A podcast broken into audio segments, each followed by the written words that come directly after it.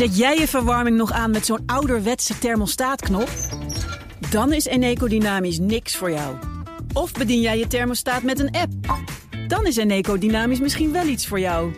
Doe de test op eneco.nl/slash test om te ontdekken of een dynamisch energiecontract bij jou past. Mensen helpen een bewuste keuze te maken. We doen het nu. Eneco. CMO Talk wordt mede mogelijk gemaakt door SRM. SRM, de opleider van marketing- en communicatieprofessionals die excelleren in hun werk. Blijf scherp. BNR Nieuwsradio. CMO Talk. Klaas Wijma. In de praktijk zagen we dat uh, een merendeel van ondernemers die op zoek waren naar werkkapitaal, stapten naar de bank, kregen daar nee te horen en staakten daarna ook echt hun zoektocht. Je hoort Rutger Kwispel, medeoprichter en Chief Growth Officer van financieringsplatform Bridge Fund. Hoi luisteraar, leuk dat je luistert naar CMO Talk, het programma waarin ik Klaas Wijma CMO's ondervraag over hun geheimen voor het behalen van marketingsucces. Deze keer een gesprek met Rutger Kwispel, medeoprichter en Chief Growth Officer van Bridge Fund. Rutger richt het financieringsplatform in 2018 samen met Julian van der Steeg op omdat hij merkte dat het merendeel van het MKB ja, wel vrij moeilijk aan financiering kwam. En ja, hoe win je dan als nieuwkomer op die kapitaalmarkt het vertrouwen van de klant? En hoe gaat het in november getekende financieringsakkoord van Mickey Adriaans, het speelveld van Bridge Fund, veranderen? Je hoort het de komende 30 minuten hier in CMO Talk. Rutger, welkom bij BNR. Dankjewel Klaas. Het is een eer om hier aanwezig te zijn vandaag. Geweldig dat je er bent. We gaan er meteen in, want op jouw LinkedIn-pagina kwam ik een hele mooie quote van jou tegen. Waar jij zegt dat Bridge Fund in staat is om kapitaal aan te bieden aan een markt die door banken niet wordt gerespecteerd. Hou je een beetje van provoceren? Een uh, klein beetje wel. We zijn een, een tikkeltje rebelse club, dus dat ben ik natuurlijk ook. En uh, de, de, markt die wij bedienen is, als je kijkt naar het MKB, uh, 95% van het MKB is klein MKB. Ja. En dat is precies uh, het deel waarvoor het loket gesloten is.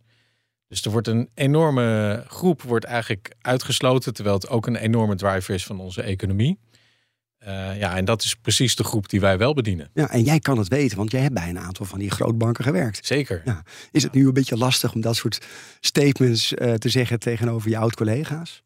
Nou, nee, want ik denk dat een heleboel van mijn oud-collega's uh, ook wel snappen dat ze uh, deze doelgroep niet goed genoeg bedienen. Dus ik denk dat ze dat zelf ook wel beamen. Ja, voor, voor de luisteraar die dus niet manoeuvreert op die kapitaalmarkt. Hè, wat, wat doe je nou precies en, en waarom ben je, uh, jij en je compagnon gestart met Bridge Fund? Um, nou, wat wij precies doen, wij, wij brengen de vraag en aanbod van kapitaal bij elkaar. En uh, wij zagen eigenlijk op een gegeven moment twee verschillende groepen ontstaan. Eentje was uh, ondernemers met geld die, als ze dat bij de bank neerzetten, ervoor moesten betalen. Hmm. En een andere negatieve groep, rente. Negatieve rente, inderdaad. En een andere groep ondernemers die hadden werkkapitaal nodig. En als ze naar de bank gingen, dan kregen ze daar nee te horen. Ja. En uh, ja, toen zagen wij daar eigenlijk een kans in van... Hey, kunnen we deze twee groepen bij elkaar brengen via een platform... en zorgen dat ze elkaar kunnen helpen. En uh, ja, dat was de geboorte van Bridge Fund. Ja. En hoe, hoe is dat jullie afgegaan? Uh, nou, tot nu toe uh, vrij goed. We zijn in 2018 zijn we gestart en uiteindelijk zijn we nu binnen onze niche zijn we marktleider geworden afgelopen jaar. En zijn we enorm hard gegroeid van een, een start in een garage nu naar de Amsteldijk, waar we met bijna 100 man iedere dag keihard aan het werk zijn om verder te groeien. Ooit weet word je zelf zo'n corporate bank. Ja, daar moeten we voor oppassen, inderdaad. Is het nou zo dat vraag en aanbod elkaar op die kapitaalmarkt echt zo slecht kunnen vinden? Dat dat, dat, dat die groei ook verklaart? Uh, nou, het, het is natuurlijk de functie van de bank. En uh, ja, die naar ons inzicht de bank niet altijd even goed uitvoerde. Dus eigenlijk het probleem wat ik net vertelde. Die ene moest betalen, die ander kreeg het niet. Ja. Dus een, een deel van de markt werd eigenlijk gewoon niet goed genoeg bediend. Op 16 november afgelopen jaar wonnen jullie een prestigieuze Effie Award. En voor de luisteraars die dat niet kennen, dat is de vakprijs voor de meest effectieve marketing-communicatiecampagne. En die wonnen jullie met Make Money Smile uh, in de categorie gedrag lang. Hoe, hoe verklaar je dat uh, succes, Rutger? Ja, ik denk dat zit in uh, dat, dat we echt een. Uh, we, toen we ooit startten, waren we eigenlijk een, een, een uh, binnen een oude categorie waren we echt een, een, een nieuw geluid. En ehm, wat ik net vertelde, die banken bedienen deze doelgroep niet. Wij hebben ge, dit probleem gezien. We hebben ook in die campagne hebben we dat probleem geadresseerd, maar ook de oplossing. Ja. En ja, de ondernemers herkennen dat en die waarderen dat en die maken er gebruik van. En uh, nou, uiteindelijk heeft dat denk ik ook geresulteerd in uh, de, de campagne die super succesvol is ontvangen. En alle groei die het bedrijf daarmee heeft kunnen doormaken. Ja, wat herkennen Bridge Fund van ja, toch wel wat ja, een beetje uh, afwijkende campagnes, laat ik maar zo zeggen. Als het gaat om het ophalen van kapitaal. Hè. Dus de, ik, ik kan me herinneren, het, uh, het blonde meisje met eh, met eh, het groene ijsje wat getapt werd. Hè, dus de commercial, wat maar, het ijsje blief, blijf maar lopen, blijf maar lopen. En nu hebben die onlangs ook een mooie campagne gelanceerd over uh, ja, een ton op de bank. Die er maar gewoon staat. Letterlijk een ton op de bank. Ja. Um, is dat die onderscheidende campagnevoering, zou je dat ook als een belangrijk succeselement uh, beschouwen? Ja, ja dat, dat denk ik zeker. En we hebben daar ook heel specifiek voor gekozen. En als je uh, kijkt, de Make Money Smile campagne was echt een campagne gericht op de leners. Ja. En toen we daarmee begonnen, toen was Bridgefund zelf 2,5 jaar oud. En uh, we, nou, we, er was eigenlijk in de markt nog niet echt bekend dat er naast de bank nog alternatieven waren. Dus die zijn er wel, hè? Want je hebt natuurlijk ja, sinds kort, je hebt ook een paar andere, hè? Molly Capital sinds kort, credits, uh, Q-geld. Ja.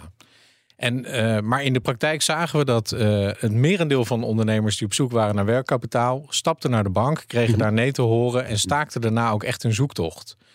Uh, dus wij wilden die markt wilden we activeren door te laten zien er is nog een ander alternatief. Juist. En dat wilden we ook echt op een hele opvallende manier doen, zodat we dat ook echt konden koppelen aan Bridge Fund en dat we niet voor de hele categorie reclame aan het maken waren, want dat zou zonde zijn ja. geweest. Uh, dus ja, dus we hebben heel erg bewust gekozen voor een, voor een hele opvallende campagne. We hebben de Wes Anderson-achtige stijl gekozen met opvallende kleuren. Ja. En ook een voice-over die in de financiële dienstverlening ongewoon was. Een, een beetje gek muziekje erover, wat voor binnen financiële dienstverlening heel ongewoon was. En een beetje een slome hond. En een, uh, en een slome, maar hele vriendelijke hond. Ja. En die, die toch op, op het moment dat het probleem zich voordoet, hè, dus dat ijsmeisje bevriest eigenlijk letterlijk met een een, een, winkel vol met klanten omdat haar werkkapitaal op is. En uh, nou ja, Ted die verschijnt snel op het toneel om, uh, om dat rolletje met geld te brengen, waardoor ze weer verder kan. En ook weer blij is dat ze verder kan. Nou, zijn, zijn dat, want waarschijnlijk trekken jullie ook het, het, de effectiviteit van jullie campagnes. Dus hoe komt dat aan bij jullie doelgroep? Uh, ja, we hebben, toen we hier 2,5 jaar mee begonnen, wisten we nog best wel weinig van onze klanten. Want we hadden nog helemaal niet zo superveel klanten. Uh, dus we, we zijn die campagne ook echt ingegaan, heel erg op ons onderbuikgevoel. En gelukkig was dat achteraf gezien een goed onderbuikgevoel. En uh, uh, bereiken we inderdaad de doelgroep ook heel erg goed. Ja.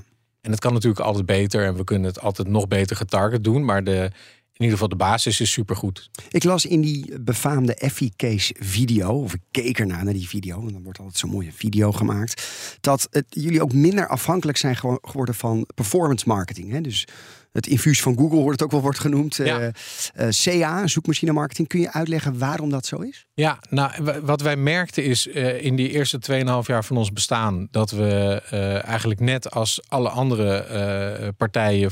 met z'n allen voornamelijk keihard tegen elkaar op aan het bieden waren in Google. Ja.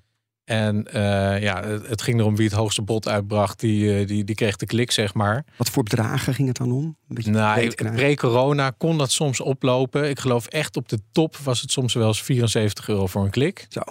En uh, dat, dat, dat was toen echt ook wel uh, echt een plafond. Dus dat was niet de standaard. Maar het waren af en toe klikprijzen waar je echt wel even van schrok. Uh, en we merken dat gedurende die campagne sowieso ons, ons branded zoekverkeer enorm toenam, maar ook de, de voorkeur in de kliks. Dus we hoefden niet altijd meer op, op één te staan om ook de kliks te krijgen. Ja, ja. ja want vaak wordt dan ook wel als je dan op Google zit en je, je zoekt de merknaam, dat dan ook op die merknaam wordt geadverteerd. Terwijl organisch Ja, eh, eh, weten mensen je toch wel te vinden.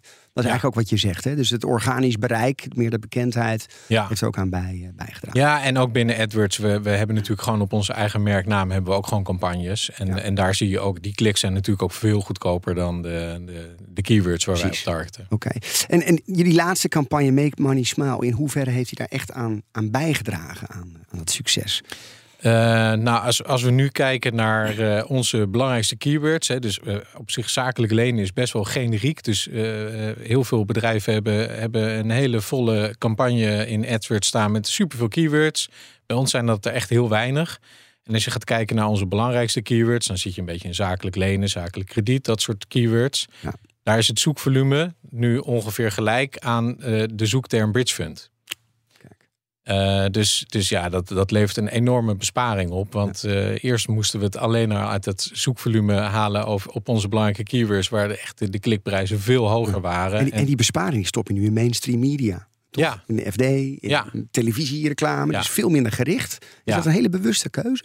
Eh, ja, dat is zeker een, een bewuste keuze. En eh, we, zien, we, we zien dat ook veel meer. Die klikprijzen, dat, je hebt die klik wel, maar je, daarna ben je geld kwijt. En in eh, dat merkbouw is natuurlijk toch veel meer een investering waar je wat gewoon langzaam ook weer naar je terugkomt. Ja. Heb je daar als, eh, nou, laat ik het zeggen, inmiddels een skill-up. Heb je daar zelf ook geld voor moeten ophalen? Dat is niet goedkoop. Nou, nee, en dat hebben we ook, ook heel bewust niet gedaan. Wij waren toen we echt hiermee begonnen, toen waren we ervan overtuigd, als wij van Bridgefund een succes willen maken, dan moeten we dat echt op eigen benen doen. Dus wij moeten geen eh, venture capital kapitaal aan boord hebben. Eh, we moeten ook geen grote zakken geld moeten ophalen om de portefeuille te funden. Want dan gaan er allerlei mensen iets vinden van ons bedrijf en zich ermee bemoeien. En dan kunnen we eigenlijk zelf niet ondernemen. En juist dat ondernemen, eh, dat vonden wij essentieel om hier een succes van te maken. En om ons echt te kunnen onderscheiden ook van alle concurrenten in het veld. Het is tijd voor de dilemma's. De en, dilemma's. Ja, en je moet er steeds één van de twee kiezen. Ik ben altijd streng. En na afloop hebben we misschien wel tijd om er één of twee toe te lichten. Ben je er klaar voor? Zeker. Let's go. Kapitaal verstrekken of kapitaal ophalen? Verstrekken. Performance marketing of brand marketing? Eh, brand. Automatiseren of persoonlijk contact? Automatiseren. Creative agency of AI? AI. Marketing inzetten om juist het vertrouwen te winnen of om te prikkelen? Eh, prikkelen. Effie Awards of stergouden? Effie. CMO of ondernemer? Ondernemer. Kijk, je, eigenlijk waren ze veel te makkelijk dit keer. Ik denk het. Je ging er echt eh, ja, als een warm mes door de boter heen. Ehm, ja, ik, mag ik er eentje uitlichten zelf? ja? Ja, creative agency of AI? Ik zag dat dat wel een glimlach op jouw gezicht toverde. Ja, en ehm, eh, we hebben de, de, recent die campagne aan de beleggerskant gelanceerd eh, met je ton op de bank. En daar hebben we al het campagnemateriaal hebben we gemaakt met AI in plaats van met fotografen en een cast. En eh, ja, dat was iets wat we wilden proberen en wat we vonden dat dat ook echt bij ons als fintech past. Eh, maar wat uiteindelijk ook, tenminste, en dat is een beetje mijn aanmaak, maar echt het succes is van de campagne. Want we hebben een beeld gecreëerd wat je met een fotograaf nooit voor elkaar had gekregen. Dus het valt daardoor super erg op. En eh, als je ook kijkt nu naar de effectiviteit, eh, als je kijkt naar afgelopen jaar naar het gemiddeld aantal aanvragen wat wij in een maand kregen, dat krijgen we sinds we deze campagne hebben gelanceerd per week. Ongelooflijk. Dus, Dus en, en AI, eh, want het fabeltje is van, oh ja, je hebt eigenlijk helemaal geen agency meer nodig. Maar volgens mij heb je nog steeds het bureau mm, eh, ingeschakeld die deze campagne ja, met behulp van AI ja, heeft gemaakt. ja, dus sterker nog, dit bureau heeft hier ons echt enorm mee geholpen ook om dit met AI te gaan doen. Dus maar- Levert dat een kostenbesparing op? Nou ja, uiteindelijk eh, waar AI nu is, dan moet, moet je er echt nog veel uren in steken. Dus ik denk nu is het nog geen kostenbesparing. Je hebt nu geen gezeur met, met royalties wat je voor materiaal moet betalen. Maar uiteindelijk, je bent, qua kosten maakt het niet zo heel veel uit. Maar wij vonden het gewoon super tof om dit te proberen. En vonden dat het heel erg bij ons paste. En de juiste prompting, hè? daar gaat Ja. heel veel tijd in zitten. Want je krijgt niet zomaar het beeld Ja. uit wat je ook voor je campagne kan gebruiken. Dus maar ik zie voorlopig de, de, de, de echte creatie zie ik nog niet uit AI komen. Daar heb je gewoon nu nog echt goede mensen voor nodig. Ja, mooi. Halverwege november sloten banken, crowdfunders, MKB-fondsen en InvestNL het financieringsakkoord met als doel om het voor financiers aantrekkelijker te maken om te investeren in kleinere en middelgrote bedrijven. Kan uh, Bridge Fund nu wel inpakken?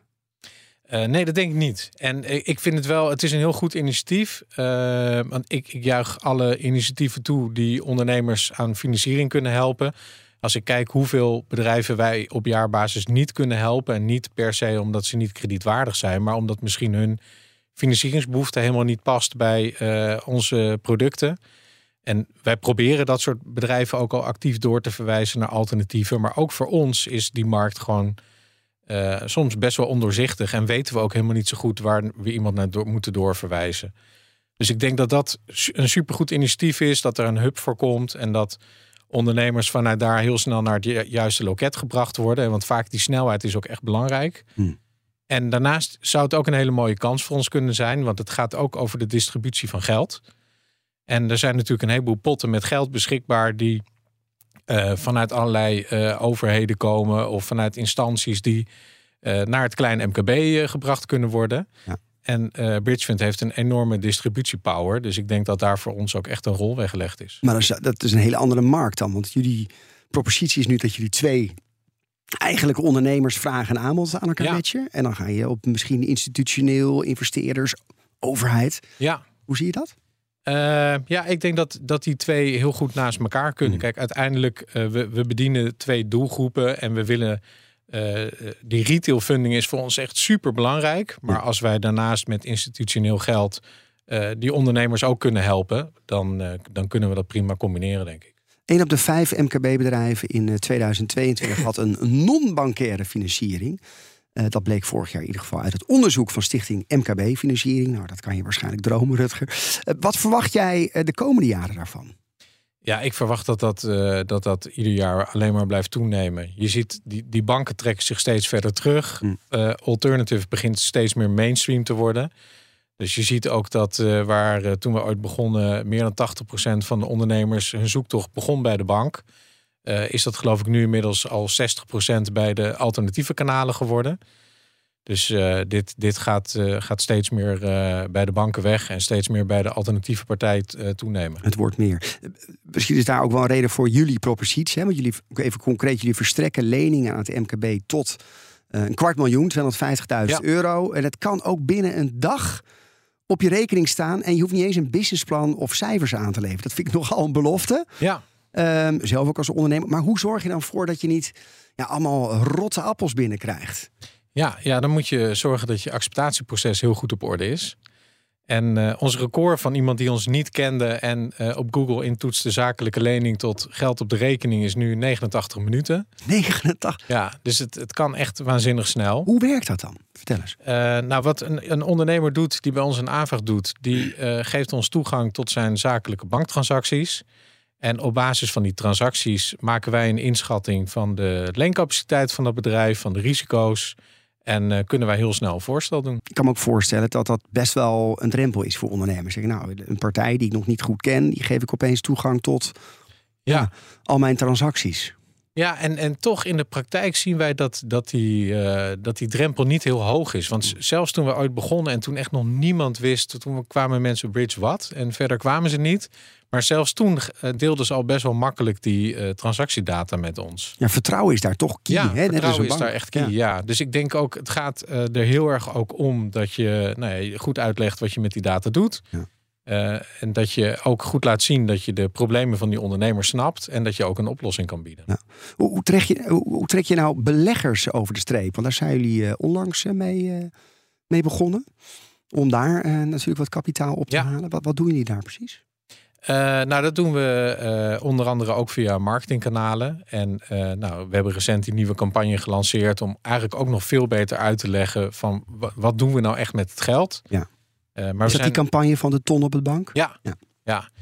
Maar we zijn eigenlijk ooit, toen we hiermee begonnen, toen zijn we begonnen met binnen ons eigen netwerk geld ophalen. En eigenlijk op het moment dat we de markt op gingen, toen, om, om het veel breder te trekken dan ons eigen netwerk, toen hadden we al een behoorlijk fonds. Hm. Uh, al ook wat jaren track record. We hadden al de coronacrisis overleefd. Uh, dus we hadden best wel een goed verhaal staan. Uh, wat wat veel vertrouwen wekte bij potentiële beleggers. Zijn nu ook banken wakker geworden? Die zien van, nou, jullie halen toch behoorlijk wat kapitaal uit de markt. Ja. Zijn succesvol. Jullie staan op de voorpagina van het FD, regelmatig met advertenties. Uh, nou, ik, ik denk in zoverre banken, tenminste dat is als wij met banken praten, dan uh, horen we dat ze ons goed kennen. Uh, maar ik denk niet dat ze wakker worden in de zin van... hé, hey, wacht eens eventjes, uh, deze partij uh, die gaat ons straks overnemen. Okay, dat, niet. zover is het nog. Nee, ze zijn nog niet zo zenuwachtig. Nee. Staat nog niet op de neus. Nee, en ik denk ook als je kijkt wat wij in een jaar aan leningen verstrekken... De, sommige banken doen dat misschien zelfs wel in één transactie. Dus wat dat betreft zijn we natuurlijk voor dat soort partijen... gewoon nog een, een druppel op een gloeiende plaat. Kan je, kan je open zijn in, in bedragen? Wat, wat verstrekken jullie zo al op jaarbasis? nou, we hebben afgelopen jaar hebben we bijna 160 miljoen uh, uitgeleend. Uh, dus ja, dat zijn voor ons echt super serieuze bedragen. Maar voor de gemiddelde bank is dat helemaal niet zo nee, super Dat is niet heel spannend. Ja. Weet je uit de eigen ervaring. Um, om de interesse te wekken bij potentiële beleggers moet je natuurlijk, ja, het gaat om rendement, potentieel rendement aanbieden, maar belegd zonder AFM-toezicht. Ja. Um, hoe voeren jullie die concurrentiestrijd? Op die tiende van die procentpunt of meer op de story? Uh, het, het zit meer op de story, want ik merk dat veel van onze beleggers die, uh, ja, die vinden het, dat zijn vaak zelf ondernemer geweest, dus ze kennen ook een beetje de problemen van ondernemers. Dus ze, ze vinden het leuk om met hun geld andere ondernemers te helpen om te kunnen ondernemen. Uh, en rendement is dan toch een, een, een, een minder belangrijk element. En wat je ook ziet is dat het gaat vaak ook over risico. Ja. En onze belegging is eigenlijk gewoon een super saai product. Want je krijgt gewoon een vaste rente. Uh, maar je hebt ook gewoon een heel laag risico. En we leven toch een beetje in woelige tijden. Dus heel veel mensen vinden het gewoon heel fijn als hun geld in stand blijft. En dat ze toch een goed rendement krijgen. Maar dat risico, je belegt in start-ups over het algemeen. Over het uh, algemeen best wel wat hoog risico. Of zie ik dat verkeerd? Nee, nee, sowieso alle bedrijven die bij ons een lening aanvragen, die moeten minimaal 12 maanden bestaan. Ja. En in de praktijk zien we dat ze echt wel wat langer bestaan. Want je moet ook minimaal uh, 50.000 euro omzet hebben. Nou, de meeste hebben echt wel meer. Dat zijn toch wat volwassenere bedrijven. Uh, maar we hebben ook uh, binnen het fonds hebben we afspraken. Dus er moet een, de, de, de minimale dekking moet altijd 110% zijn van het ingebrachte vermogen. Nou, in de praktijk is dat vaak 120%. Dus er kan een heleboel misgaan voordat het echt uh, het ingebrachte geld van een belegger raakt. Het is meteen tijd voor de estafettevraag, Rutger. Want we hadden uh, vorige keer de gast David Diescoot. Hij is marketingdirecteur bij het voedingsmiddelenconcern Mondvol Koninklijke Pijn, Pijnenburg. En hij had deze vraag voor jou. Ja, ik ga die podcast 100% luisteren, want ik heb de website uh, bekeken en hij heeft altijd gelijk, zegt hij zelf, over zichzelf. Dus ben ik oh. onwijs benieuwd. Maar kijk, hij opereert in de financiële sector. Het gaat over betrouwbaar, hè, vertrouwen. je leent je geld eraan uit en leent het geld door. Die communicatiestrategie van hun. Hè, het is een dame die tapt groen ijs ja. op een roze vloer. Je ziet een hond, hond. je ziet een buideltje geld rollen. Ik ben zo ontzettend benieuwd. Wat is zijn communicatiestrategie? Wat is de gedachte erachter? Juist in een wereld die draait om betrouwbaarheid.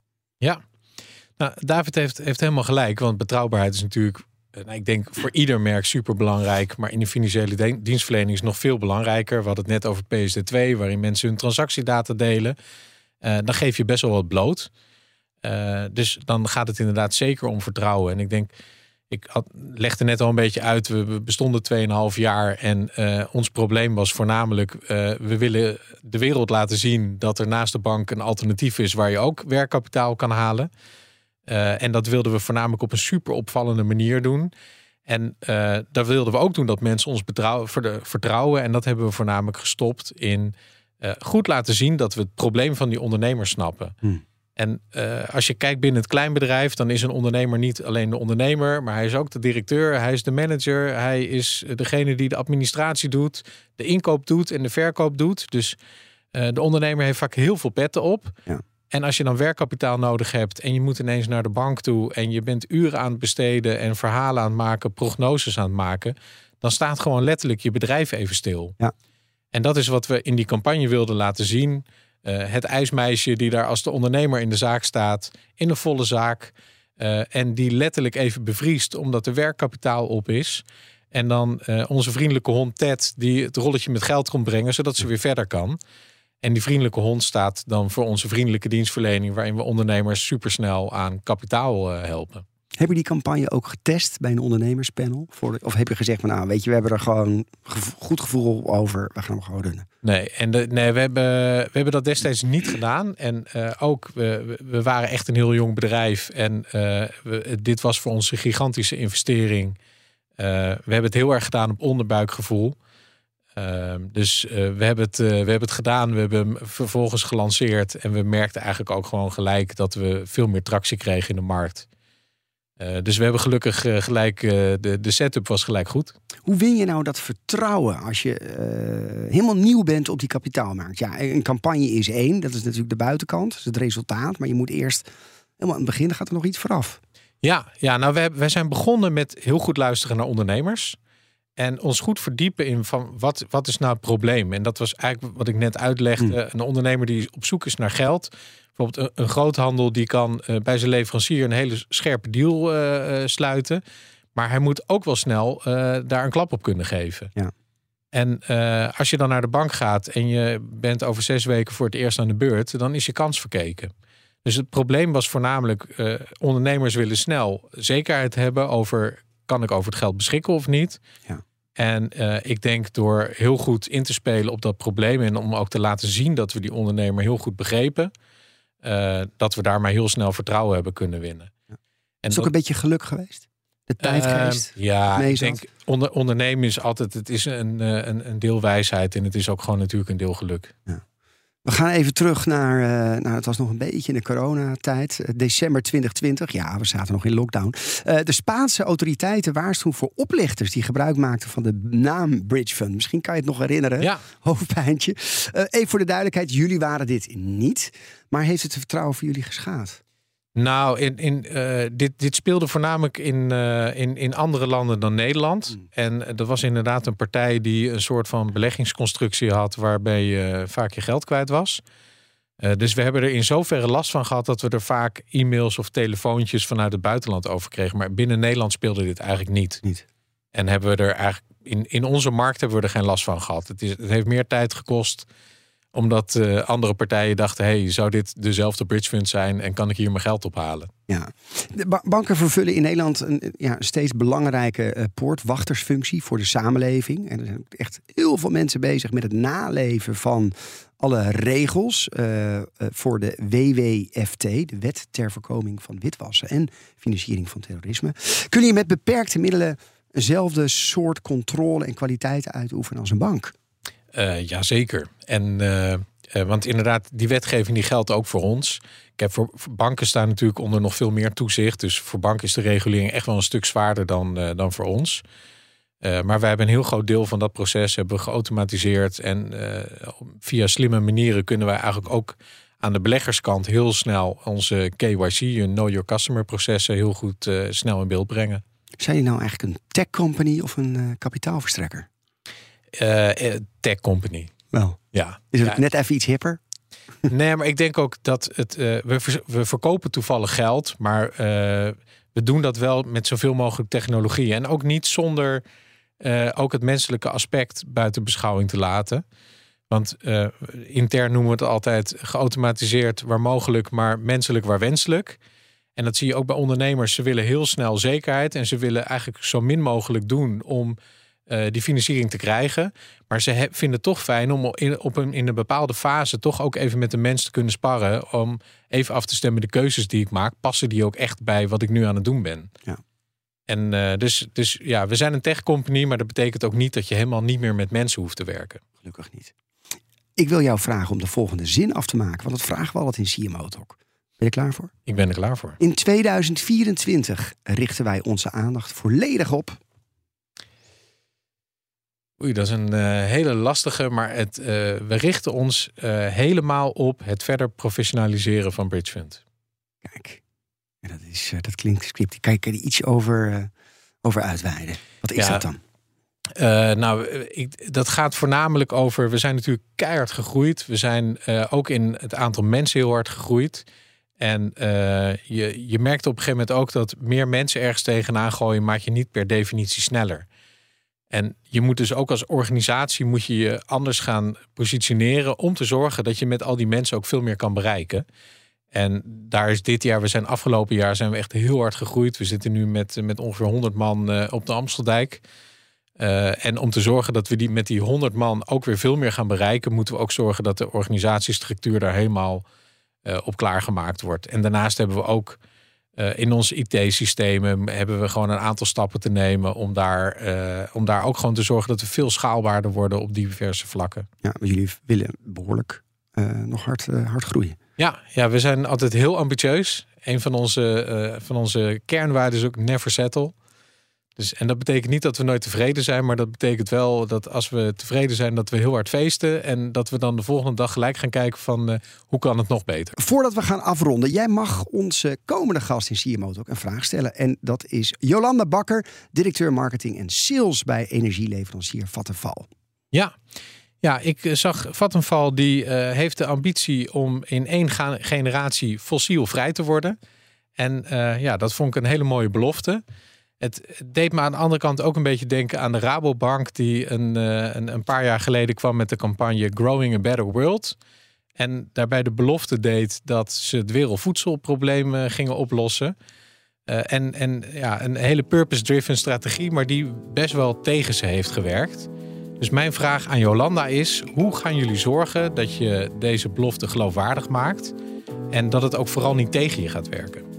Ik ga het daar vragen. Ik wil je ook meteen danken voor je komst. Rutger Kwispel, medeoprichter van financieringsplatform Tech Company, Bridge Fund. Wil je meer weten over het betreden van een markt die wordt gedomineerd door grote spelers? In maart vorig jaar ging ik in gesprek met ook zo'n ondernemer, Michiel Muller van Picnic, over het opschudden van de supermarktbranche. In de volgende CMO Talk heb ik Jolanda Bakker te gast, directeur marketing en sales bij energieleverancier Vattenfall. Tot de volgende aflevering. Dank voor het luisteren. CMO Talk wordt mede mogelijk gemaakt door SRM. SRM, de opleider van marketing- en communicatieprofessionals die excelleren in hun werk. Eet jij elke woensdag lasagne omdat het zo lekker makkelijk is? Dan is Eneco Dynamisch niks voor jou. Maar kook jij het liefst elke keer wat anders met het risico dat ze zeggen... Ja dag, dat gaan we echt niet eten. Dan is Eneco Dynamisch misschien wel iets voor jou. Doe de test op eneco.nl slash test om te ontdekken of een dynamisch energiecontract bij jou past. Mensen helpen een bewuste keuze te maken. We doen het nu. Eneco.